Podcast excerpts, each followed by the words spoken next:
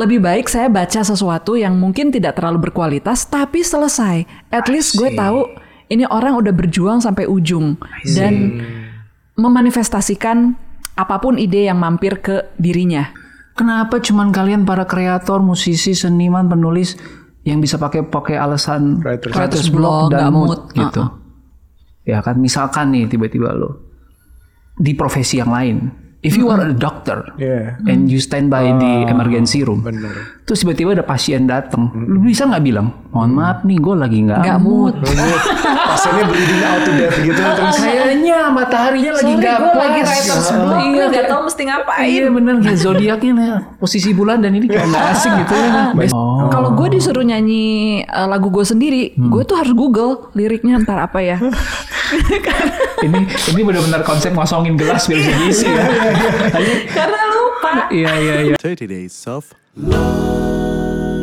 Hey guys, welcome back to 30 Days of Lunch. Lunch bareng gue, Aryo, at Shegario dan Ruby at Alexandro. yang kita ngobrol di sini sambil mengisi yang harusnya awalnya mungkin makan siang tapi bisa diisi kapan aja kalian mau karena harusnya ngenyangin pikiran dan perut mungkin kalau sambil makan ya. Bener, intinya ini podcast untuk sambil Sambil Iya. nyetrika, sambil nyuci piring, sambil nyetir ke kantor Semoga kalian bisa dapat sesuatu sambil melakukan aktivitas kalian Siap. Kita sudah di episode sekian episode season 4 ini dan sebenarnya hari ini kita akan dengan tamu yang udah udah ngobrol cukup lama tapi tunggu-tunggu karena banget. um, satu dan lain hal kita udah tunggu-tunggu banget pengen datang ke sini karena kita belajar banyak kita mau belajar banyak tentang proses kreativitas sambil ada hubungannya dengan proses grieving. Yes. Wah, gimana tuh? Kita akan sih semua udah pasti kenal namanya dengan Mbak Di Lestari di sini. Welcome Hai Aryo Ruby, thank you so much. nggak perlu panjang-panjang ya karena Iya, nggak sudah pasti banyak yang udah tahu. Oh akhirnya ada Mbak Di udah ditanyain. Akhirnya ya, kita nih baru Akhirnya, berjodoh ah, sekarang. Iya,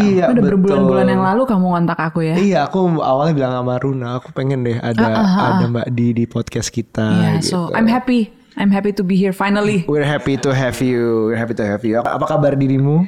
Baik, baik, thank you. Dan ini kayaknya apa ya? Walaupun menjadi hari-hari yang sibuk karena ada rilisan single baru yang berduka itu, tapi in a way kayaknya juga menjadi satu hal yang kebutuhkan juga untuk em, mulai keluar dan bertemu orang-orang karena memang berasa banget sih setelah Reza pergi tuh mungkin sebulan pertama hmm, energinya lebih seperti ingin menutup ya, lebih kayak kayak kepengen Menutup diri gitu. kepompong gitu, Oke, loh. Oke, Ha-ha. oke. In a cocoon gitu Iya, iya, rasanya iya, iya, gitu ya. Dan dengan rilisan single baru ini mau tidak mau akhirnya harus harus keluar dan ternyata oh not so bad gitu loh. Oh, ternyata menyenangkan ya gitu. Ah, Ha-ha. hmm, Dan tapi kayaknya itu juga em, timingnya pas aja. Memang secara alami aku juga rasanya udah udah cukup siap bahkan eager gitu ya untuk iya. ketemu orang, untuk mulai bersosialisasi lagi gitu. Iya, jadi eh, ngomongin tentang berduka ya, ya rilis terbaru ada di Spotify juga bisa teman-teman mungkin bisa dengerin. Boleh cerita nggak ke- ke- kenapa kenapa Iya. bikin lagu gitu? Jadi sebenarnya lagu berduka itu dibuat sedang tidak dalam kondisi berduka. Um, waktu itu kami hanya terlibat sebuah obrolan di meja makan. Ada Reza, ada aku, dan ada seorang sahabat kami, eh, seorang arranger. Kita baru aja menyelesaikan proses rekaman. Jadi lagi ngomongin musik. Terus entah kenapa tiba-tiba mampir ke topik berduka gitu. Dan Reza bilang, ya kita nih kebanyakan selalu ingin menghindari yang perasaan-perasaan yang tidak enak dan dengan cepat mengatakan bahwa everything's gonna be okay. Itu tuh kayak sesuatu mantra standar yang digunakan dan bukannya berarti tidak benar ataupun tidak datang dalam apa namanya tidak datang dengan tujuan yang baik Ya. gitu ya. Hanya saja kadang-kadang eh, ada saatnya untuk nggak apa-apa loh untuk nggak baik-baik aja gitu bahwa itu adalah sebuah fase yang yang mana di situ mm, tidak ada gunanya juga untuk menyangkal tidak ada gunanya juga untuk eh, menghibur diri si ucapan kata apa ucapan kalimat semuanya akan baik-baik saja itu bisa jadi malah terasa prematur. Ketika kondisi kita benar-benar sedang tidak baik-baik saja dan kita bahkan tidak melihat the end of that tunnel gitu. Iya.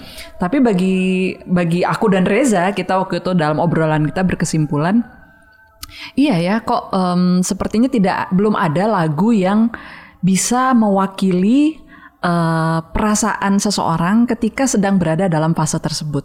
Karena kan berduka ini berlapis-lapis dan bertahap gitu ya, ada banyak tahapannya. Five stages yang dibilang five stages of grief ada itu yang salah satunya. teorinya five, Iya. ada yang teorinya six gitu Iya, ya. iya, Tapi intinya tidak serta merta kita berduka dan langsung baik-baik saja gitu. Nah, akhirnya waktu itu aku bilang kayaknya pengen ya ada lagu yang bisa mewakili perasaan seseorang di fase tersebut gitu. Dua hari kemudian setelah obrolan itu, beneran aku ke piano karena mendapat kayaknya ada ah, ada melodi nih, ada ada lirik, jadilah gitu. Bahkan dengan sangat lancar. Eh, aku bahkan bilang sama Reza nih kayaknya aku jadi X-Men deh bentar lagi. Kok bisa sih satu hari satu lagu? Bahkan waktu itu lagi semangat banget dua hari dua lagu. Jadi besokannya tuh bikin lagu lain lagi. Tapi itu berada di dalam periode di mana aku juga sedang semangat banget pengen pengen bermusik gitu kan. Nah terus Reza nanya, kamu nih ntar yang nyanyi siapa? Terus aku bilang eh belum kebayang sih. Dia bilang harus kamu sendiri yang nyanyi gitu. Oke kata gue gitu. Terus kan kita memang sudah punya wacana pengen eh, aku comeback ke dunia musik Iya. as a singer bukan Iya. hanya sebagai songwriter Penulis, gitu. Ya, ya, ya. Tulis lagu. Jadi akhirnya dari sanalah eh, jadi ini lagunya dan Reza bilang sedih ya gitu. Tapi akhirnya sekarang aku tahu apa yang akan kamu rasakan kalau aku nggak ada. Hai guys, buat kalian para entrepreneur dan para pemilik bisnis mungkin ada info berguna ini sebelum kita mulai podcast kita. Yes, sekali lagi para entrepreneur dan pemilik brand lokal, entah itu brand fashion, beauty, elektronik, F&B, atau home and living, siapa pun yang lagi cari funding dan partner buat growing bisnis kalian, Kita punya kabar baik buat kalian semua. perhatiin ya, lo bisa jodohin brand lo ke Open Labs, sebuah brand agregator terbesar di Asia Tenggara dan mereka punya dana 1,4 triliun yang siap diinvest ke brand lo. Dan selain funding, Open Labs juga punya tim expert yang siap mensupport bisnis secara penuh, mulai dari digital marketing, logistik, finance, hingga bisnis strategi. Seksi banget kan? Kunjungi Open Labs ID dan daftarin brand lo sekarang. And we're back to the podcast. Dan enam hari kemudian dari aku merampungkan lagu tersebut, Reza stroke. Sehingga itulah lagu yang kemudian juga jadi menghantuiku selama satu setengah bulan nungguin dia. Karena loh ini lagu mampir ke gue apa gara-gara intuisi kah? Apakah ini petunjuk? Apakah ini sebuah premonition gitu kan? Bingung mengartikannya bingung ya. mengartikannya gitu. Eh, ketika dokter bilang ada harapan, oh berarti cuma lagu biasa. Kalau ternyata kemudian ada kabar buruk, ada pem- ada ada perburukan, mulai mikir lagi gitu kan, jangan-jangan bener nih lagu nih gitu loh. Jadi lagu itu kayak menghantuiku terus. Tapi kesimpulanku adalah dan ketika di akhirnya berpulang gitu, kesimpulanku ini lagu pasti datang untuk alasan yang khusus dan dia sudah memilih momen yang demikian istimewa gitu. And I wanna respect that. Jadi aku ingin menghargai uh, inspirasi yang telah hadir yang mungkin saat itu adalah petunjuk bagiku untuk untuk bersiap diri, untuk bisa mendapatkan apa ya? eh katarsis ataupun penyaluran saat aku mengalami dukaku sendiri tapi it's like Iya. way before gitu loh jadi kayak sebuah kayak di DP nih nanti nanti lu bakal begini. Dikasih DP dulu biar siap gitu loh. Rasanya Itu begitu. menarik banget sih dari satu cerita ini. Aku banyak kepikiran jadinya. Jadi maksudnya di saat em, itu dibicarakan kan aku juga pernah nonton em, aku suka Afterlife Ricky Gervais di Iya, di iya. Netflix. Dia Oh, kan oke. kehilangan pasangannya. ya dia berawal dengan marah-marah. Semua tuh orang dunia harus bersedih karena gue sedih. Terus dia nye- nye- nyela orang. Dengan gampangnya everything is wrong gitu. Iya, dipikirnya yang kita pikir kalau kehilangan pasangan tuh akan nangis setiap hari. Enggak tapi akan dari dari dia tuh kayak bitter setiap hari. Nangisnya kayak karena kehilangan aja saat-saat kehilangan tapi mostly marah gitu. Tapi ada conversation itu yang aku menarik sih. Aku ngelihat kita tuh kalau mau ngomongin tentang kematian misalnya sama pasangan tuh kayak ah jangan diomongin Jangan ah, sedih diomongin. ah aku nggak mau kehilangan kamu aku nggak mau. Iya, terus iya, sampai udah nggak jadi diomongin. Udah lewat aja. Terus nggak pernah diomongin. Bahkan hal-hal teknis ya misalnya nanti em, uang bagaimana anak Iya, bagaimana itu kan duniawi sekali. Tapi tetap aja harus Benar, diomongin dan kita benar. menghindari hal itu karena aduh ngeri aku sedih kalau gitu karena kita terlalu sayang karena kita apa Iya, gitu. dan kayaknya ada juga kepercayaan di mana jangan diomongin nanti kejadian. Iya benar itu juga Jadi ada. kayak takut kita jinx ourselves gitu kan dengan bicarain itu. betul, betul. Karena banyak juga yang nanya, Wi, lu feel guilty gak sih nyiptain lagu itu? Hmm, Bahwa seolah seolah-olah lagu itu kayak semacam mengantar gitu. Uh-uh, atau lo bikin itu jadi kejadian Jadian deh deh. gitu. Iya, iya, iya. Nah, tapi ya aku ti aku sih tidak melihatnya demikian. Karena eh, memang memang bukan pemahamanku aja kayak begitu gitu. Eh, tapi menarik karena betul sekali ada kata-kata di dalam berduka yang mengatakan eh, sendirian di tengah keramaian, lalu dunia tuh kayak hidup berlari tanpa aku. Kayak apa yang tadi Iya. mungkin Ricky bilang gitu bahwa Iya. harusnya semua orang berduka kayak gue, tapi kok Iya. enggak sih? Kok Iya. hidup berjalan biasa-biasa aja? Iya. Orang masih ngomongin something di media Iya. sosial apa segala macam. Kok nggak nggak ada Nggak yang lihat gue sih, gue sedih nih. Gue sedih Iya. gitu.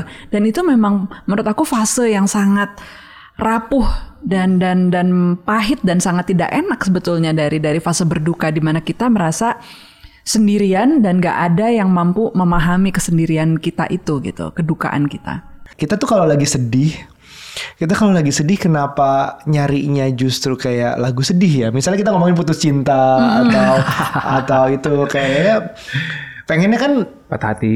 eh, patah hati gitu terus langsung bikin playlist. Zaman Iya. dulu mixtape Iya, sekarang iya, playlist iya. Spotify bikin cari yang sedih-sedih.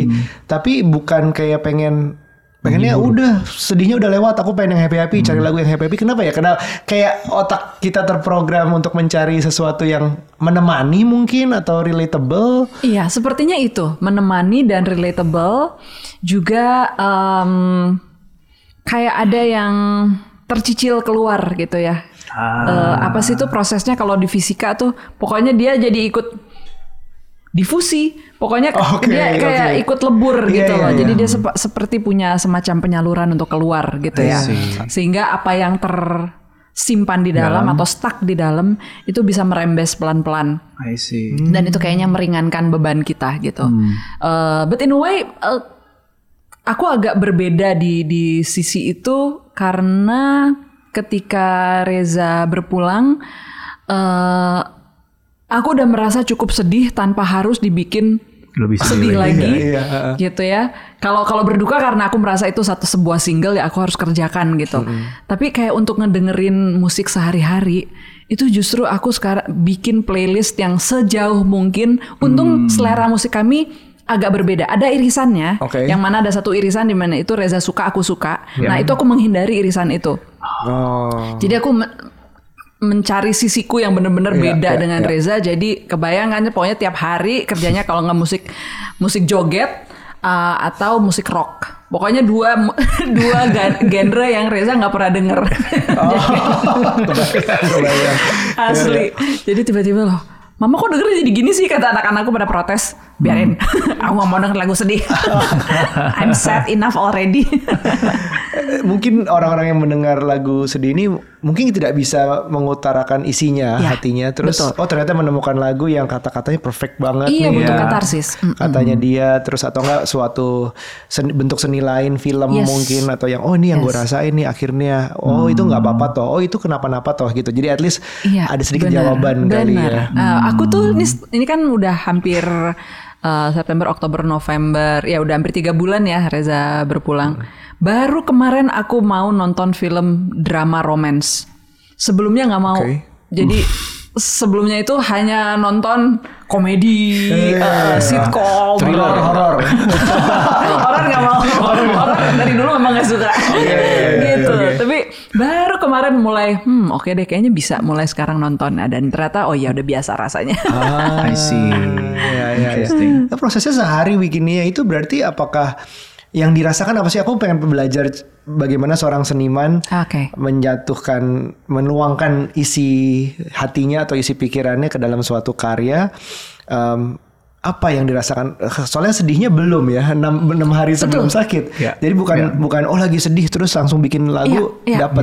Tapi gimana sih proses sebuah sen- aku sering seniman? mengalami hal itu Em, aku tuh sering menciptakan istilah sendiri ya. Dalam menulis aku menyebutnya prophetic writing. Jadi hmm, prophetic writing ini lebih kayak kita menuliskan sesuatu yang belum terjadi dan ketika kita tulis itu akan akan terefleksikan entah 90% kejadian atau 80% kejadian di hidup kita gitu loh. Oke. Itu itu sering aku alami gitu.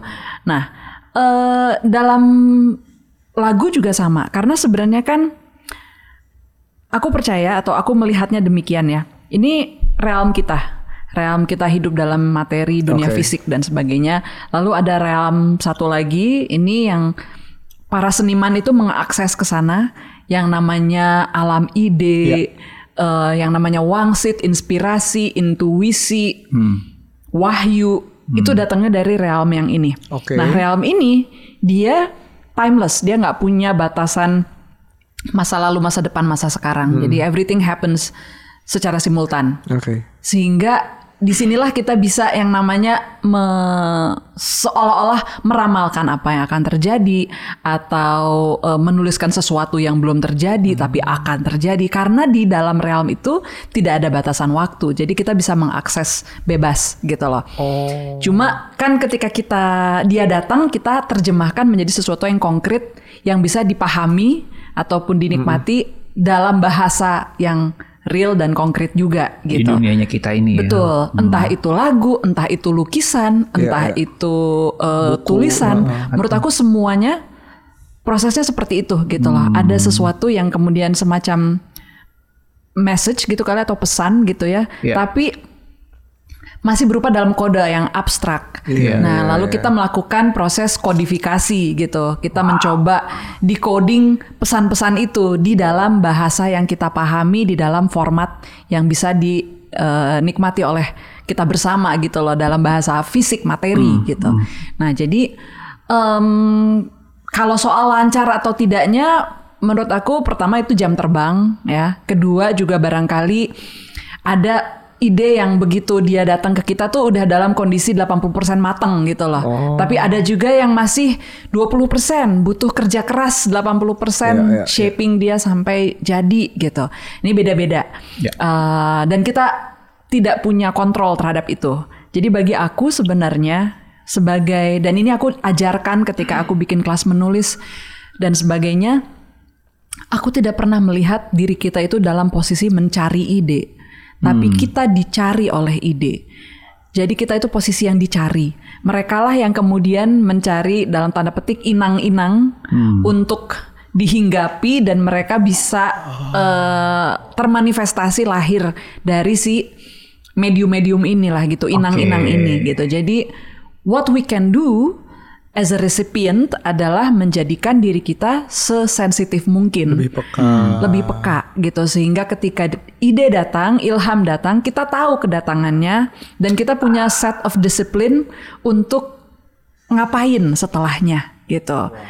Ada yang kemudian eh, taruh di notes, ada yang kemudian bikin sketsa, ada yang kemudian pakai Voice voice note. uh, uh, voice note gitu ya, recorder, direkam dan sebagainya. Tapi ada tahap-tahap yang kita lakukan secara konkret untuk menangkap dia gitu. Baru setelahnya menurut aku ya itulah skill yang bisa kita pertajam ya gitu. Entah itu bernyanyi, entah itu Iya, iya, melukis, entah itu Menulis. nulis, gitu. Nah itu baru set of skillnya. Tapi dari fase bagaimana kreasi itu tercipta, aku sih percayanya seperti itu. Gitu. Hmm, Ruby ini pernah ikut ya? Merinding saya. Barusan waktu ngomong itu. Heeh. Iya. Iya, aku pernah ikut eh, kelasnya Mbak Di. Serius? Serius, September 2021. Oh oke. Wah, wah, wah, Eh, waktu itu masih ada eh, Masih Mas ada Reza, Reza, juga. ah. Online ya waktu waktu ya? ngeliat Yes. sesinya lucu juga. Wah ini kompak banget ya ini ya pasangannya. iya, iya, yang iya. satu menjadi host, yang satu menjadi pemateri gitu. Bener, bener, bener. Terus Itu- diniatin dengan waktu itu kalau nggak salah pakai topi, terus Pakai- ada ada skit ada- skitnya ada- ada gitu kan, propnya. ada propsnya gitu. Very very delightful. Uh, so thank you for that. Aku Yes. juga uh, tahun lalu rilis buku, uh, buku perdana non fiction kebetulan, tapi still learn something um, karena aku malah sekali. tertarik dari sisi fiksi itu gimana gitu ya. Karena menurutku justru menulis Beda fiksi ya. itu jauh lebih susah. Iya, iya, iya, iya, iya. So that creative process, um, so we dive deeper into Ya, that. monggo. Iya, monggo. iya. Neng, silakan. Uh, tadi waktu bilang yang prophet prophetic, Prophetic writing. writing. ha. Jadi inget The Simpsons yuk. Oh, The The Simpsons. Simpsons tuh Iya. yang ramal banyak hal tuh. Iya, Oh, iya. Ya, Presiden Iya. Trump gitu kan. Bener. Banyak Terus yang bisa banget. turun di eskalator tuh pas Bener. banget. Iya, kok bisa gitu? Bisa Bener, kok gitu bisa ya. gitu kan? Detail Iya, iya, banget. iya, iya, iya. And then eh, siapa lagi ya kayak pokoknya The Simpsons tuh banyak Iya, Banyak ada sekali. tentang Kanye kalau nggak salah apa, Iya. gitu. Mungkin yang tadi Mbak dicerita ya that's what happened ya. That's what happened. Di sana itu soalnya di realm itu ya itu tidak ada batasan waktu kan. Jadi kita bisa mengakses yang mana aja. Tapi ya te- tentu kita nggak bisa langsung mengetahui oh ini datangnya dari mana gitu kan enggak gitu. Pokoknya what we do adalah kita manifestasikan Uh, dan sering kali aku juga nggak pernah berpikir dengan sengaja bahwa oh ini harus kejadian, Kejadian. atau enggak enggak. Iya, Justru segala sesuatu itu kita lepaskan aja gitu. Hmm. Karena em, bagi aku makanya ide itu adalah hadiah. It's a gift. Iya. Kita kayak diberi hadiah gitu. Nah sekarang tinggal kita sejauh mana kita bisa manfaatkan hadiah tersebut gitu. I see. Jadi kebayang gak sih kalau banyak ternyata hadiah-hadiah itu datang tapi Kitanya orang yang nggak. peka. Iya. Atau kitanya sendiri nggak peka. Bener nggak bener. Apa yang kita miss gitu. Aku selalu melihat ya, melihat sendiri. Maksudnya orang yang udah kita sebut produktif itu biasanya sudah tidak pernah lagi ada keluhan kurang ide. Biasanya mereka cuma keluhannya kurang waktu Iya, karena ide bener. banyak, Iya, ngantri, eksekusinya susah ya. eksekusinya butuh waktu Ha, gitu. ha, ha, ha. Nah sementara banyak sekali eh, biasanya yang di tahap-tahap pemula itu selalu mengeluh kurang ide Hmm. gitu. Nah jadi menurut aku sebenarnya barangkali yang perlu diperbaiki di sini sensitivitasnya untuk Iya. mendeteksi mana sebenarnya ide itu dan dan eh, apa ya ya menjadikan kita wadah yang lebih kondusif Iya. ketika ide Iya. datang Jadi bukan kurang ide ya, kurang paham membaca ide ke membaca betul. pesan itu. dan gak punya disiplin untuk menangkapnya. I see. Makanya dia lewat gitu aja gitu Iya. dan merasa bahwa kadang-kadang ya ada juga yang kemudian menyerah di tengah jalan karena eh, merasa dia kemudian blaming the idea. Oh berarti ini idenya nggak bagus mbak gitu, Iya, kurang iya. brilian, kurang cemerlang. Aku harus cari ide baru. Padahal menurut aku sih sering kali bukan di soal idenya, tapi ada hambatan teknis yang kita harus tanggulangi untuk melahirkan ide tersebut sampai rampung. Hanya saja orang banyak menyerah di tengah jalan Iya. dan kemudian menyalahkan ide gitu loh bahwa ini idenya nggak oke nih gitu. Lebih gampang menyalahkan sih ya. Iya, ah, ah, ah, ah. Tapi orang kan- lain ini.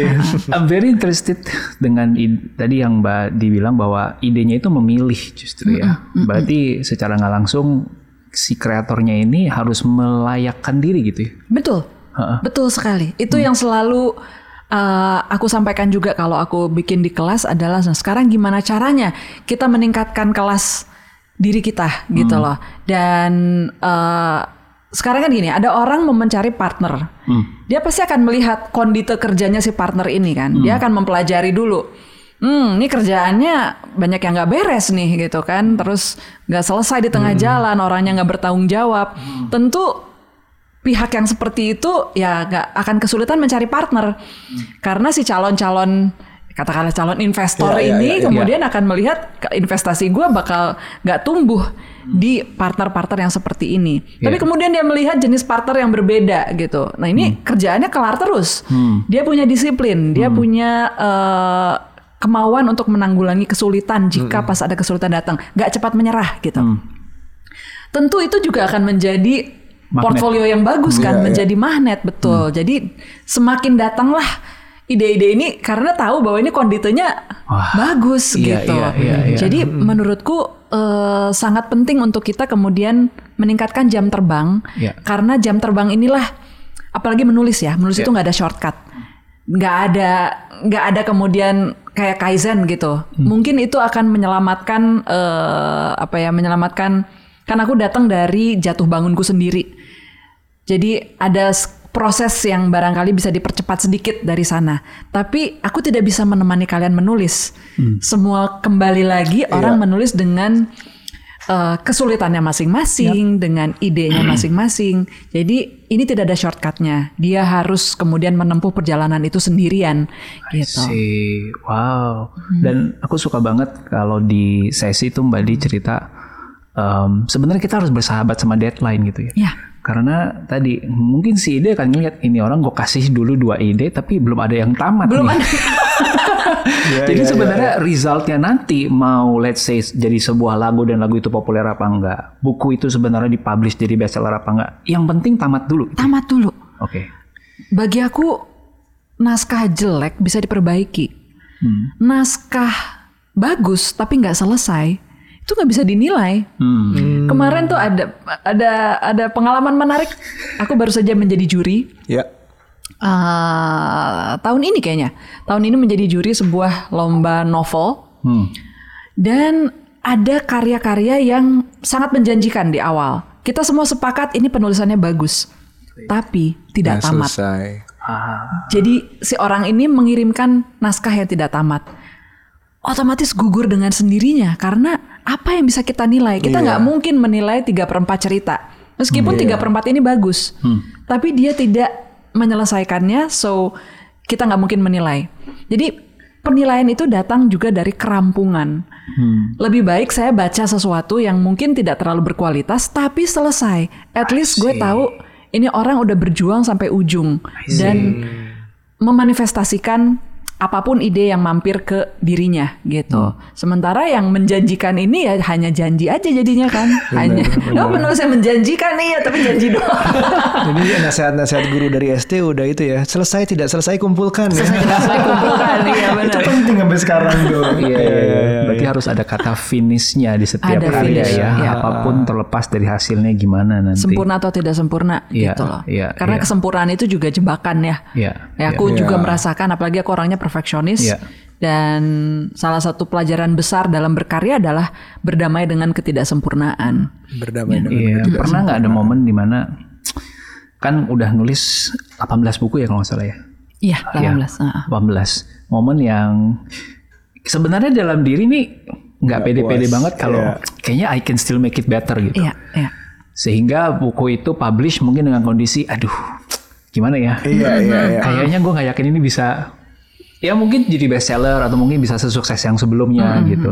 Tapi malah pada akhirnya penerimanya lebih baik gitu dari yang kita expect. Pernah nggak kayak gitu? Karena kan kadang-kadang kita nggak mau nyelesain karena kita ragu. Iya, iya, iya. Kayaknya cukup eh, nggak bi- biasanya gini kalau kalau kasusku adalah ketika udah menamatkan Iya. itu biasanya aku punya kepercayaan diri yang sangat tinggi justru. Oke. keren nih karyanya nih, oke banget gitu kan. Nah, Oke. tapi biasanya setelah retrospeksi setahun kemudian, lalu gue baca lagi, ini dulu gue mikir apa sih gitu? Kok bisa Kok gua gini amat tuh terus? Kok ada yang baca sih gitu loh? tapi eh, intinya sama, maksudnya Iya. kita melihat ketidaksempurnaan kita, I gitu see. kan? Dan itulah yang gue sebut dengan berdamai dengan ketidaksempurnaan, Hmm. ataupun ketika aku mengedit gitu ya Iya. mengedit itu godaannya gede banget karena kita pengen terus menyempurnakan. Iya. If I have more time, gue bisa make it better. Gue bisa make it better. Itu biasa terjadi di proses penyuntingan. Yang kamu sebut tadi tuh aku alami itu di proses penyuntingan. Oke. Pengen minta waktu lebih dong biar gue bisa utak-atik lagi gitu. Nah, makanya yang salah satu hal yang penting adalah bikin deadline untuk segalanya, bukan hanya ketika kita merampungkan draft, tapi juga ketika kita menyunting. Dan menurut gue yang lebih berbahaya justru menyunting itu karena kita mencari Iya. kesempurnaan yang semu. Iya, iya, iya, iya. Padahal kita tahu ya at the end of the day nggak ada yang sempurna Ya, gitu kan. betul. Makanya akhirnya aku selalu uh, batasi.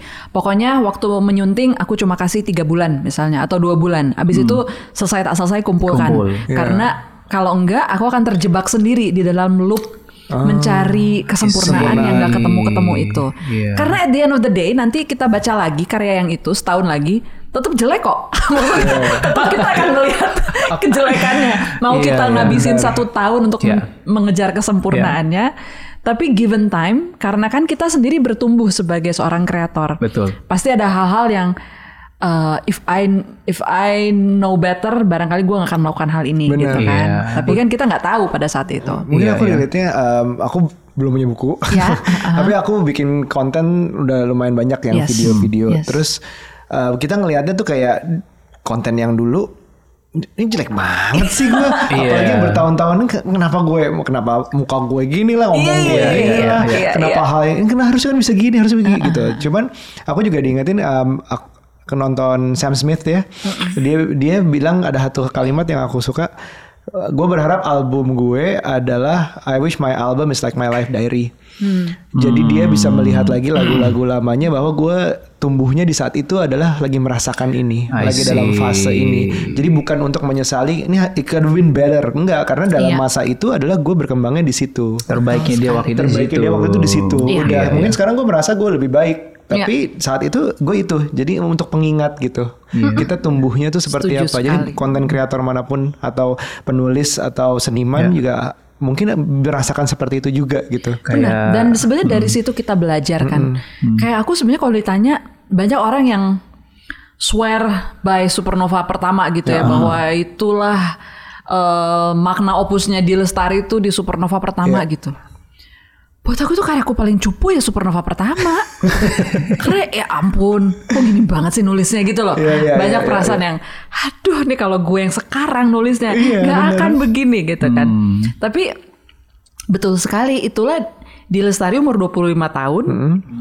Itu yang dia tahu. That's the best way yang dia bisa selesaikan dengan bangga dan percaya diri ya Iya. segitu Iya. gitu loh. I see. Dan ketika sekarang aku lihat lagi, aku akhirnya melihat bahwa itulah refleksi sebuah perjalanan, refleksi sebuah proses gitu ya.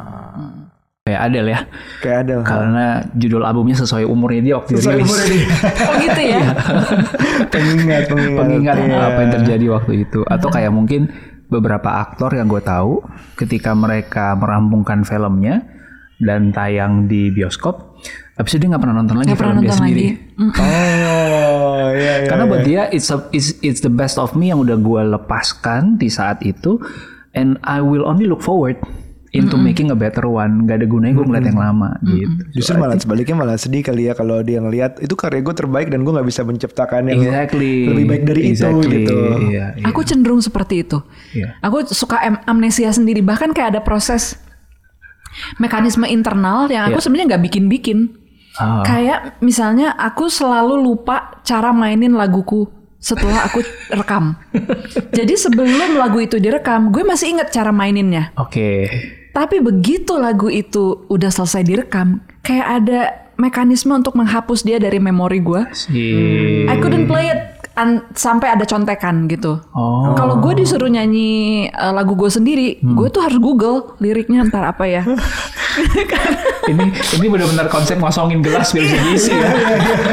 Karena lupa. Iya iya iya. Saya lupa ya Wow. bener-bener ya. Lupa. Sama buku juga sama. Aku biasanya cenderung tidak membaca ulang. Kecuali kalau misalnya memang ada kebutuhan. Wih ini kita mau publish ulang. eh, pengen ada mungkin editing baru gitu. Akhirnya aku baca. Eh, atau kalau misalnya aku masih attach sama dunia itu. eh, it happened to me with Rapi Jali. Iya. Oh, oke. itu satu cerita yang masih gue baca ulang karena aku masih pengen ada di dalamnya, Dalamnya. gitu loh. Tapi biasanya kalau udah selesai, udah tuh kayak begitu, Nggak dibaca, udah nggak di- beres aja. Iya, gue jadi pengen deep dive lebih dalam lagi nih yang si idea to story karena I think most of our listeners yang di umur 20 30 terserah mau berkarya di bidang apa pun menurut gue bisa belajar dari sini. Iya. So kalau boleh ya mau ngambil satu contoh nih Mbak. Yes. Eh, aku sebenarnya baca sampai habisnya tuh buku yang ini. Oh, Rada, karena Justru itu non fiction malah. non-fiksi. Iya, non-fiction. Ya, ya. Em, tapi aku juga suka eh, aroma karsa. Ah, ah. Ya, karena waktu itu sekitar 8-9 tahun, I was a food blogger back then. Oke. Eh, aliasnya waktu namanya at Captain Ruby gitu. Ya ampun, aku kan follow kamu. Oh, serius, kamu tuh? Ruby Ruby itu. Iya. oh gitu. aku follow kamu. Astaga. Dan Captain Ruby ya. Oke, oke, oke. Oke oke oke Oke. oke. Oh, so now ya connect sekarang. Connect sekarang ya, ya. Dia sekarang pakai nama depan gue Felixandro. Oke, To oh. appreciate my Alexandro parents yang udah kasih nama itu, tapi Oh, oke. dulu karena ngerasa ribet, pokoknya susah nih. Cuman Felix gitu, Iya Felix gitu ya, Sandro gitu ya. tapi now I just want to appreciate that. So. Ah, oke. Iya jadi dulu tuh aku di senang banget sama dunia makanan gitu so that aroma karsa menurutku menarik untuk jadi contoh karena mungkin kalau kita cerita di sini banyak yang bisa relate juga. Ya, Hmm. ya. So tadi from idea to story. Boleh cerita nggak mbak? Misalkan, misalkan contoh deh dari proses menciptakan karakter si uh, Jati Wesi. Jati Wesi Ya. uh, dan uh, apa ya kondisinya hiper uh, yang dia bisa sensitif banget sama Hiperosmia. hiperosmia gitu. Apakah berangkat dari hiperosmia itu yang kira oh I think I can make something out of this atau itu dari si karakter si jatinya itu sendiri dulu gitu. Hmm. Mungkin orang jadi bisa lebih kebayang Iya, iya. idea to story. Hmm. Ini mungkin em, kayak Aroma Karsa itu kan cerita yang sangat kompleks ya, Iya. gitu. Kompleks banget, banyak-banyak. Ada dunia lainnya lah, ada dunia parfum, ada eh, industri kosmetik Kosmetik, dan iya. sebagainya. Percaya nggak? Itu cuma datang dari aku masih bisa merunut bagaimana ide itu terlahir. Oh, wow. Karena waktu itu aku ikut sebuah kursus menulis. Aku masih senang ikut kursus sampai sekarang. oke. Karena bagiku eh menekuni sebuah ilmu itu belum tentu membuat kita sanggup mengajarkannya. Karena kita kadang-kadang Oh, oke ya ya ya. sudah sulit berjarak gitu loh. Nah jadi kadang-kadang aku ikut kursus itu hanya untuk memahami apa yang kulakukan gitu loh, untuk memahami sendiri Ya ya ya. what have I been doing gitu. Nah di salah satu kursus menulis yang aku ikuti itu dari Udemy kalau nggak salah, pen- eh, apa namanya, iya, iya. eh, gurunya orang Amerika. Dia bercerita bahwa penciuman itu sebetulnya merupakan indera yang paling kuat di paling primordial di manusia gitu. Dia itu terbentuk pertama kali di janin, jadi melebihi indera yang lain gitu. Oh. Dan setelah aku pelajari juga bahwa indera penciuman itu memang sangat membantu kita untuk survive. Karena walaupun kita penciumannya nggak setajam anjing misalnya gitu. Tahu kan kalau kita mau ngetes masakan basi atau enggak, Iya, kita pasti cium, cium, dulu betul. gitu. Dan da- dari "Hmm, baunya aneh, kita nggak bisa nggak bisa langsung mendedah anehnya di mana. We just know gitu. Kita tahu bahwa ini bau yang tidak seharusnya Iya, iya, gitu. Dan itu penting sekali untuk menghindari kita keracunan. Iya. Bayangin kalau kita lagi di di rimba gitu Iya. ketemu makanan Iya. atau apa ketemu buah Iya. gitu kan terus kita mau ngecek ini gue bakal keracunan nggak gitu. Jadi memang manusia itu udah dibekali penciuman pertama karena untuk survivability-nya Iya, kita betul. sendiri gitu. Jadi dia bilang bayangkan kalau misalnya eh, ada ada story yang bisa eh, menekankan kepada penciuman itu Iya. pasti akan menjadi deskripsi yang kuat. Terus gue mulai, oh iya ya, kenapa nggak bikin novel yang memang ber- berpusat di, indera penciuman? Dan aku hanya membayangkan, wow, itu akan menjadi perjalanan indrawi, imajinasi indrawi yang luar biasa bagi pembaca. Dari situlah, jadi dari itu idenya, baru kemudian aku riset everything about olfactory. Semua tentang uh, indera penciuman aku baca. Sampai aku menemukan tidbits yang menarik yang punya unsur drama. Termasuk hyperosmia Hmm. itu. Termasuk hyperosmia. Lalu aku di situ mulai kan, mulai engine-nya muter gitu. Bayangkan gimana kalau oke, gimana kalau ada wangi yang tidak terdeteksi, tapi hanya terdeteksi oleh orang-orang tertentu, tapi punya pengaruh yang luar biasa. Muncullah kemudian si bunga puspakarsa yang punya pengaruh untuk bisa mengendalikan kehendak lo. Iya. Tapi lu nggak tahu karena lu nggak bisa mencium itu. Tapi hanya orang tertentu yang bisa mencium. Nah, si orang tertentu itulah si jati besi yang kemudian gue bikin karakterisasinya, lalu mulai bikin drama hidupnya seperti apa. Dia Iya. bisa baga- kayak begitu gimana. Lalu gue pikir apa ya pekerjaan yang paling cocok buat dia? Wow, perfumer dong gitu. Iya, iya, dia benar, bisa benar. meracik parfum. Tapi gimana supaya lebih menarik? Kan penciuman ini ada wangi banget, ada bau banget. Ya. Gue pengen kasih spektrum yang luas buat pembaca. Oh, akhirnya Jati Wesi punya pekerjaan sampingan. Dia pemulung Di sampah. Dia hidupnya di Bantar Iya, Gebang. iya, Lalu iya. gue bayangin, gimana orang hiperosmia bisa tinggal di Bantar Gebang? Iya, sangat- gue aja yang biasa-biasa aja mabok gue di, di Bantar Gebang. Asli. Aku Sensitif karena aku pergi ke sana, pusing loh di Iya, bukit iya. sampah itu saking bau metan dan sebagainya itu kuat banget gitu ya. Nah dari sanalah jadi cuma spark of idea-nya begitu. Makanya aku selalu bilang kita tuh nggak butuh ide yang muluk-muluk sebenarnya. Wow. Cuma dengan spark kecil begitu aja. Tapi if we dig deep enough dan diligent enough, kita bisa menemukan begitu banyak dimensi yang bisa kita olah menjadi ya dalam karena aku bikin karyanya fiksi yang bisa kita olah menjadi drama gitu. Hmm, I see. Tapi juga berarti dua hal yang mbak aku tangkap. Satu kita udah bahas yang soal peka tadi. Ya. Contohnya udah clear banget. Ya. But sebelum bahkan bertemu dengan si ide itu ada ada sebuah niat untuk mencarinya juga gitu. Hmm. Dengan mungkin kita keluar beraktivitas nggak cuma di rumah doang tapi mau belajar masak tadi Iya, yang akhirnya terpapar dan menambah probabilitas kita beririsan dengan si ide ya nggak sih? Kalau di Kaizen, ritual? kalau di Kaizen itu ada eh, delapan habit yang aku Ah. aku tekankan gitu Iya. lah. Salah satunya adalah stay curious. Jadi rasa ingin belajar ini sesuatu yang harus dipelihara karena dari situlah betul sekali kepekaan itu datang dan kemauan untuk menggalinya lebih dalam. Karena kadang-kadang ide datang tapi kita nggak punya ke- keinginan untuk belajar lebih dalam atau menggalinya lebih dalam. Akhirnya dia udah sampai di permukaan aja. Dia nggak akan menjadi benih yang kemudian tumbuh jauh ke dalam tanah berakar dan kemudian bisa menjadi sesuatu gitu loh. Dia akhirnya mati di permukaan karena kita nggak beri kesempatan untuk menggali lebih dalam. Nah, jadi stay curious ini menurut aku adalah salah satu pilar habit yang sangat penting Ya. lo tuh harus menjadi eh, halaman kosong, lo harus menjadi mangkok kosong yang siap menerima pembelajaran baru gitu ya. Iya. Banyak kan yang bilang, Iya, iya. lo kalau merasa tahu segalanya berhenti, udah Iya, stop, udah, ha, ha. mati sampai di situ gitu. Nah ini, ini this is me being curious ya mbak. Jadi I assume uh, di kondisi yang mbak di mungkin justru ide itu jadinya bertebaran, Bertebaran. bertebaran. Eh, mungkin juga ada teman-teman yang ngerasa oh gue punya banyak ide. When do we decide ini bisa gue ambil dan gue pengen dalemin? When do we decide kayaknya gue udah cukup riset dan kayaknya ini nggak bisa jadi sesuatu gitu. Is it a feeling or is it a structure yang bisa dibikin? Oh kalau udah mentoknya begini nggak mungkin jadi apa-apa. Ya, kalau buat aku itu eh, basically cara mengetes ide adalah dengan mengkonkretkannya.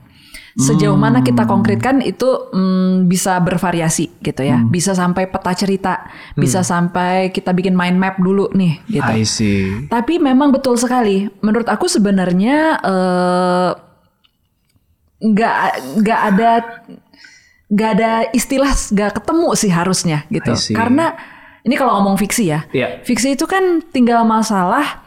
Ini ada struktur, ada titik-titik yang harus kita isi gitu. Jadi kalau kita bisa menemukan titik itu bisa diisi dengan apa, eh, harusnya semuanya jalan gitu.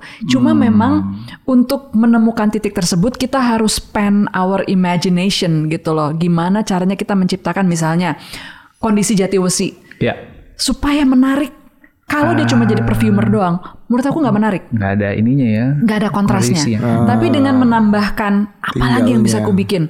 Dia hidup di Bantar Gebang. Itu sebuah kontras yang menciptakan drama baru. Dari satu titik itu kemudian muncul lagi drama lain. Siapa yang eh, menjadi musuh dia di sana? Eh, siapa teman-teman dia di sana? Apa profesi dia sehari-hari? Apa yang dia lakukan? Itu kan sebuah bibit lagi. Iya, iya, iya. Jadi memang eh, bagi aku kalau menulis ataupun mungkin karya kreatif ya gitu, itu kita harus mau seperti kameramen yang rajin mencari angle.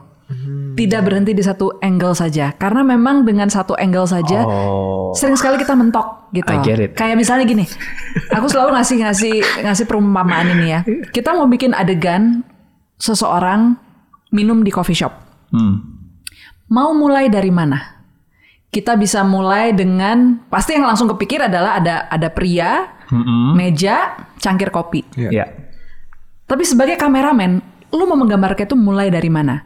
Pertama, kita bisa mulai dari cangkir kopi dulu, set, baru naik ke atas pelan-pelan. Kita bisa mulai dari tangan yang mengaduk, Iya kopinya. bisa. Kita bisa mulai dari bar tempat kopi itu disajikan, baru ke cowok itu.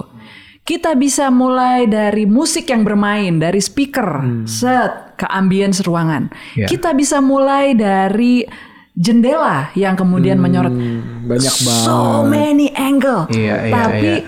itu tadi cukup rajin nggak kita untuk kemudian memutar dan mengubah-ubah cara pandang kita gitu. Wow. Sambil Mbak tadi ngomong gitu, saya jadi keingat quote unquote khotbahnya musisi favorit saya. C. Yakni? Saya kalau belajar segala sesuatu tuh dari John Mayer. Oh, ini banyak banget ya orang yang kayaknya belajar dari John Mayer. ha? So, eh, karena dia tuh suka bikin kayak mampir ke kampus mana, kuliah-kuliah singkat, terus interview gitu. Iya, iya. Dan di salah satu interview dia bilang, banyak orang yang oke mungkin saya pakai bahasa Inggris ya a lot of people say they tried everything but they haven't tried every approach it's two different things Yes. gitu bahwa yang harus dicoba adalah pendekatannya udah dieksplor dari mana aja Yes. gitu so Totally. yeah, I, I really resonate with that Iya. Betul banget, Jadi betul kalau banget. dibilang ide itu mahal, belum tentu ya. Eksekusi yang mahal. Eksekusi yang mahal. Sorry ide itu kayak datang kapan aja bisa. Yes. Kalau kita peka kita akan melihat suatu ide. Tapi what you gonna do about it? Iya, and iya. what approach you gonna? Iya. You know. Dan dan ya set- setelah melihat sekian tahun berkarya gitu ya, aku bisa bilang bahwa eh nggak perlu nunggu ide brilian. Kadang-kadang orang tuh merasa bahwa karya brilian itu datang dari ide yang brilian juga. Padahal menurut aku sebenarnya ide itu pas kita runut-runut kayak aku merunut bagaimana datangnya aroma karsa, sederhana sekali. Iya, iya. Nothing special, cuma pengen oh iya ya gimana kalau ada novel bercerita tentang penciuman. That's it. Iya bener. Kita bisa berhenti sampai di situ dan nggak jadi apa-apa gitu. Atau kita mencoba melihat dari berbagai macam pendekatan tadi gitu. Nah jadi menurut aku sebenarnya nggak usah eh, merasa apa ya terkutuk atau orang lain lebih terberkati karena Iya, kok iya. ide dia brilian banget. Iya. Menurut aku bukan soal idenya tapi eksekusinya. Isinya. Atau hal kayak misalnya kita jadi obrolan di restoran atau di coffee shop kita ngobrol kalau ngidul, Hmm. wah ini ternyata ngobrol ini seru ya, ngobrol ini seru ya gitu. Terus kita kita bikin sesuatu yuk terus nggak pernah terjadi sesuatu. iya, iya. Atau obrolan dari podcast ini kalian udah dengar seratusan episode terus ngerasa wah ini menarik banget. Tapi ya udah nggak dilakuin apa-apa betul, gitu. betul, tiba-tiba kalian mendengar sesuatu hal baru dari podcast ini mungkin episode ini atau episode Iya. sebelumnya. Tapi ya udah oh iya menarik ya udah Ah, gitu. Jadi Iya. kadang-kadang tuh ternyata masih approach lain tuh masih bisa di itu kan ya. Betul sekali. Iya, iya, iya. Dan em, buat aku ide itu pada akhirnya adalah partner. Jadi mm, aku merasa bertanggung jawab dengan mitraku. Iya. Mitra yang sudah datang mengajak kerjasama. Hmm. Aku merasa apa ya? eh, dan bagi aku, aku Ya, tipe ya, orang ya, yang sense of duty-nya cukup tinggi gitu loh. Kalau misalnya memang aku merasa ini sebuah tugas, aku akan coba kerjakan sebaik mungkin gitu. Jadi aku melihat bahwa sebuah karya adalah hasil kemitraan. Hmm. Eh, Aroma Karsa adalah hasil kemitraanku dengan idenya ya Hmm. sebutlah dia ide Aroma Karsa gitu loh. Tapi ada Dewi Lestari sebagai eksekutornya, tapi juga ada si ide ini. Sehingga mm, bagiku dengan merampungkannya adalah aku pay respect dan juga menghargai kemitraan kita sampai kemitraan ini selesai.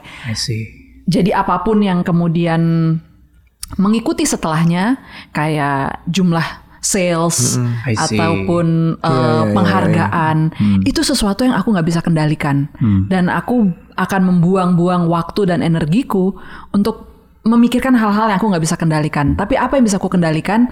Merampungkan naskah itu sampai selesai. That is within my control gitu. Dan itu yang aku berusaha jaga. Wow. Tapi yang lain-lainnya udah aku serahkan saja, lepas aja gitu. Mungkin itu alasan kenapa juga akhirnya menghidupkan kembali ide Rapi Jali yang Rapi berpuluhan Jali, tahun. ya, betul sekali. Karena aku merasa utang. Gitu ya. Aku tuh ngerasa ngutang. Ganjel gitu ya, Mbak. Ganjel. Jadi kalau ada satu karya, satu ide yang udah muncul gitu, Iya. apalagi aku tahu bahwa dia punya potensi, sama kayak Hmm. kita. Kan aku udah sempat menulisnya walaupun barangkali cuma 50 persen, nggak nyampe sih. Ketel- Setelah aku tulis ulang, itu barangkali cuma 20 persen dari the whole Hmm. Iya, journey iya. gitu. Journey, iya. Tapi dulu kayak ini udah setengah nih gitu, kok nggak Hmm. kelar? Lalu aku kemudian menyalahkan whatever lah gitu, menyalahkan ah ini idenya nggak oke nih gitu. Hmm. Tapi sebenarnya itu kemampuanku sendiri, ataupun waktu ataupun konsentrasi yang nggak cukup saat itu gitu. Hmm. Jadi ketika aku selesaikan, aku merasa kayak akhirnya finally si aku nggak punya utang lagi sama si mitra yang udah menunggu Iya, 27 tahun loh dia. 27 tahun, gue umur 17. Wow. Aku pertama kali ngerjain eh, Supernova gitu. Eh sorry, eh, Rapi Rapi Jali, Jali. Rapi Jali. Dan baru gue selesaikan di usia 44 tahun. Wow. Wow. Wow menarik. Ini eh, tadi sebelum eh, datang juga kita lagi dengar-dengar lagu-lagu Lagu-lagu favoritnya kita. lagu-lagu favorit kita. Lagunya kita dengar berduka, tapi kita juga mendengar lagu-lagu yang ditulis. kalian suka, ya, ditulis oleh Walaupun nggak selalu dinyanyikan. Iya, Walaupun iya. langsung. Ya, Boleh itu tahu Ah, boleh tahu. Em, Kamu apa Lu Rudi satu, apa? satu. Oke, Ya. kali kedua Oke. dibawakan oleh Raisa. Raisa. Nah, Satunya lagi Malaikat juga tahu. Yang Yes. mungkin lebih populer karena dinyanyikan oleh Glenn waktu itu. Iya, Tapi betul. Mbak Di juga nyalain nyanyikan direktur Iya, verso ya. pertama kali aku Iya, yang iya, nyanyiin. iya. itu em, kita melihat suatu wah lirik lagu tuh dalam banget gitu. Ah, Itu kadang-kadang aku mendengarkan lagu dari lirik lagunya dulu gitu. Ada momen-momennya. Hmm. Tapi M- Mbak Di bikinnya lirik lagu ini membiarkan atau memberikan untuk dinyanyikan orang lain. Hmm. Itu gimana ya? At- a- a- apa idenya itu? Apakah kadang-kadang kan ini gue yang bikin dari awal gue mau nyelesain sampai awal gue anterin Iya, semuanya. betul. It's me me me me Yes. gitu. Karena ide itu mahal, eksekusi mahal, semuanya gue yang lakuin gitu. Hmm. Itu prosesnya gimana sih dan rasanya gimana setelah wah it works juga dengan dengan, Dengan- diberikan iya, iya, apa orang lain yang mengantarkan. Hmm. Dulu aku seperti itu, kayak yang ya ini lagu gue, gue yang paling tahu cara menyanyikannya Iya, gitu ya. Interpretasinya paling sempurna ya pasti dari penciptanya Iya. gitu. Itu mungkin sampai umur 20-an kali ya, masih ada keinginan untuk itu. Sampai pada akhirnya eh, aku mulai menulis dan aku mulai menyadari gini loh, apa namanya? eh, proses kreatif itu kan adalah proses kita mengenal diri kita de- dengan lebih Iya, baik iya. lagi gitu ya. Jadi ketika aku menulis, aku jadi tahu cara merangkai kalimat yang aku suka seperti apa, yang tidak aku suka seperti apa. Ketika aku menulis lagu, melodi yang aku suka seperti apa, yang aku nggak suka seperti apa. Jadi kita mengenal diri sendiri. Hmm. Dalam proses itu, aku menyadari bahwa, oh ternyata gue tuh lebih suka rekaman. Gue Hmm. nggak suka performance. Aku nggak suka show. Aku nggak suka eh, bisa menjalani Iya, ya. iya, iya. I was a singer Iya, gitu iya, ya. iya. Tapi my pure joy Dari itu bukan datang dari sana. Itu datangnya dari memproduksi sesuatu. Oh. Tapi tidak harus membawakannya gitu.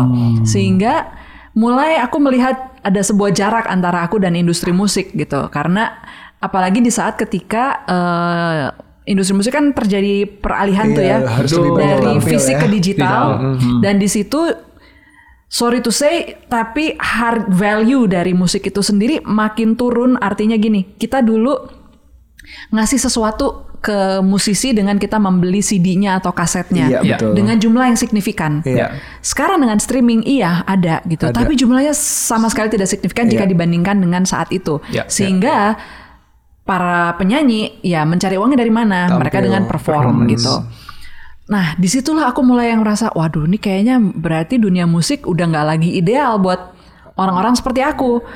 Eh, sementara bikin rekaman tuh kan nggak murah. Kita Ya. bayar musisi, kita bayar studio gitu. Sejujurnya modal gue untuk nulis almost nothing, Ya. just me, laptop, my imagination. Ya. Ya. Tapi kalau musik itu kan harus nyewa, harus ini mixing, mastering, apa segala macam. Udah gitu, gue nggak suka manggung. Jadi Iya. balik modalnya dari mana gitu kan? Iya, benar, nah dari situ aku mulai mengubah persepsiku. Jadi aku melihat bahwa oke, ini aku punya lagu, aku cari brand ambassador yang akan mempopulerkan lagu, lagu ini. Dia akan menjadi uh, seseorang yang membawanya menjadi bendera Iya, gitu loh. iya, Tanpa gua harus lagi yang menjadi orang yang Iya. bawa-bawa bendera ini ke mana-mana gitu. Hmm. Uh, tapi ya tentu saja aku juga melihat siapa yang nyanyi, kecocokannya. Iya, iya, iya. Karena barangkali laguku itu ada butuh interpretasi ataupun butuh range vokal tertentu atau cara nyanyi tertentu yang masih ideal untuk sekian penyanyi, tapi barangkali tidak terlalu cocok dinyanyikan oleh sekian penyanyi lain gitu loh. Jadi aku berusaha mencari kecocokan itu. Cuma sekarang udah udah bisa ngelihatnya gitu yo. Jadi Iya iya iya. iya. ya udah deh cari brand ambassador aja, nggak harus gue kok gitu. Itu Oke. ya aku ngeliatnya self awareness yang udah beda sih ya. Mungkin Iya, kalau di iya. awal-awal it's all me gitu tapi Iya, ya. ha, ha, ha, ha. ya, apalagi karena gue bisa nyanyi. Iya, Mungkin iya. kalau gue nggak bisa nyanyi dari Oh, awal gue itu udah gampang, udah Iya, songwriter benar. aja gitu Benar, kan. benar, Gue lagu bagus, lirik bagus gak bisa nyanyi, udah oper Iya, pasti iya, gitu. ah, Iya iya iya. Oke oke. Tapi in that case uh, dua lagu tadi ya, Ya, apakah uh, Di waktu nuliskin lagunya udah, eh, gue tahu nih ini kayaknya kandidatnya udah muncul bahkan waktu lagi nulis lagu. So you write it specifically buat orang itu atau Ah. atau gimana? Eh, untuk dua lagu itu sih nggak ya kayaknya kasusnya berbeda dengan ya, lagu yang buat Yaya. Kalau yang buat Ma- Malika juga tahu karena memang aku yang pertama kali nyanyiin saat itu nggak kepikir bahkan bahwa Ya. one day akan dinyanyikan lagi oleh orang lain gitu ya. Eh, tapi barangkali firasat. Nah firasat itu memang aku sudah waktu itu memang request dari eh, perusahaan rekamannya Marcel. Hmm. Jadi ketika aku bikin lagu itu mm, udah dengan suara yang bukan suara gua gitu loh. Gua waktu itu bayangin suaranya ya Marcel lah, Boys to Men, pokoknya yang mirip-mirip ke sana kiblatnya gitu ya. Uh, jadi nggak ngebayangin suara gue lagi yang nyanyiin. Dan itu membantu terus terang karena kita kayak kita pakai muse kayak pakai manekin. Ya. Nah, jadi kalau udah pakai manekin gitu kan ada nada-nada tertentu yang udah kita bisa bayangin ini bakal bakal Bagus bersinar nih dia. di vokalis ini gitu ya. Nah, kali kedua memang itu sudah kubayangkan untuk eh, Raisa karena waktu itu justru eh, ada perjalanan hidupnya dia yang kemudian menginspirasi Oh. kali kedua itu muncul gitu loh. Ah. Jadi udah bisa bayangin. Dan kadang-kadang aku sekarang kalau bikin lagu juga membantu sekali membayangkan suara penyanyi dan tiba-tiba jadi gitu. Oh, berarti mungkin jodohnya Sama si eh, eh, eh, ini ini sebuah contoh kasus yang lagunya belum keluar, Ya. akan rilis mungkin awal tahun Ye- depan. yeay, kita Eh, tunggu. Asik. Tapi ini antara jadi gini, aku pakai so, muse seorang penyanyi, Hmm. jadi refnya doang. Nah, terus tapi setahun kagak selesai-selesai itu lagu.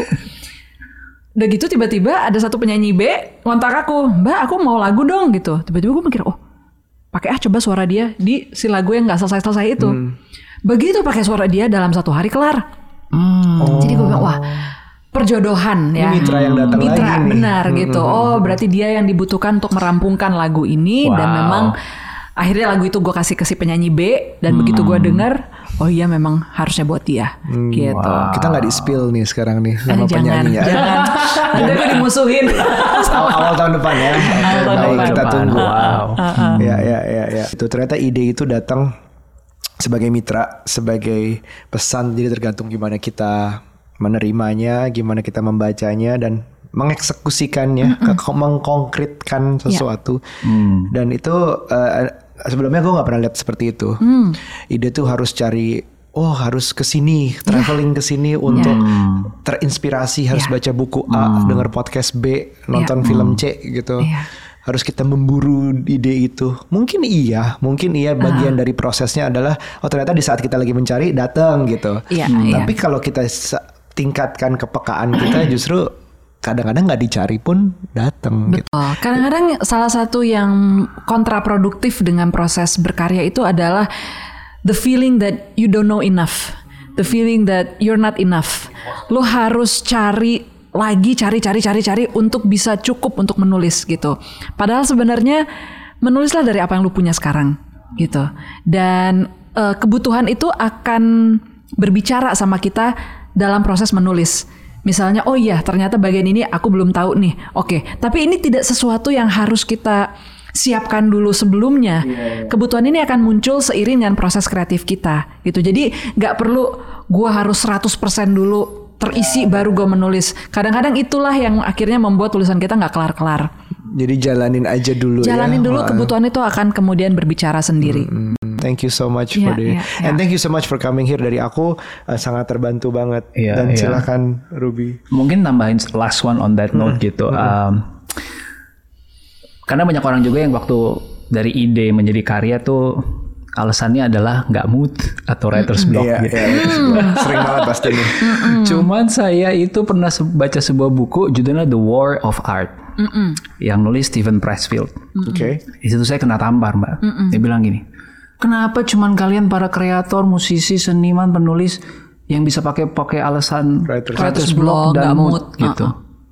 Ya kan, misalkan nih tiba-tiba lo di profesi yang lain, if you are a doctor Iya. and you stand by di emergency room, Bener. terus tiba-tiba ada pasien datang, lu bisa nggak bilang, mohon maaf nih, gue lagi nggak Nggak mood. Pasiennya bleeding out to death gitu terus. Kayaknya mataharinya lagi nggak pas. lagi Iya, gue nggak tahu mesti ngapain. Iya bener kayak zodiaknya nih, posisi bulan dan ini kayak nggak asik gitu ya. Besok bulan lagi boleh nggak pas gue udah mood lah. Emergency So, tapi nih.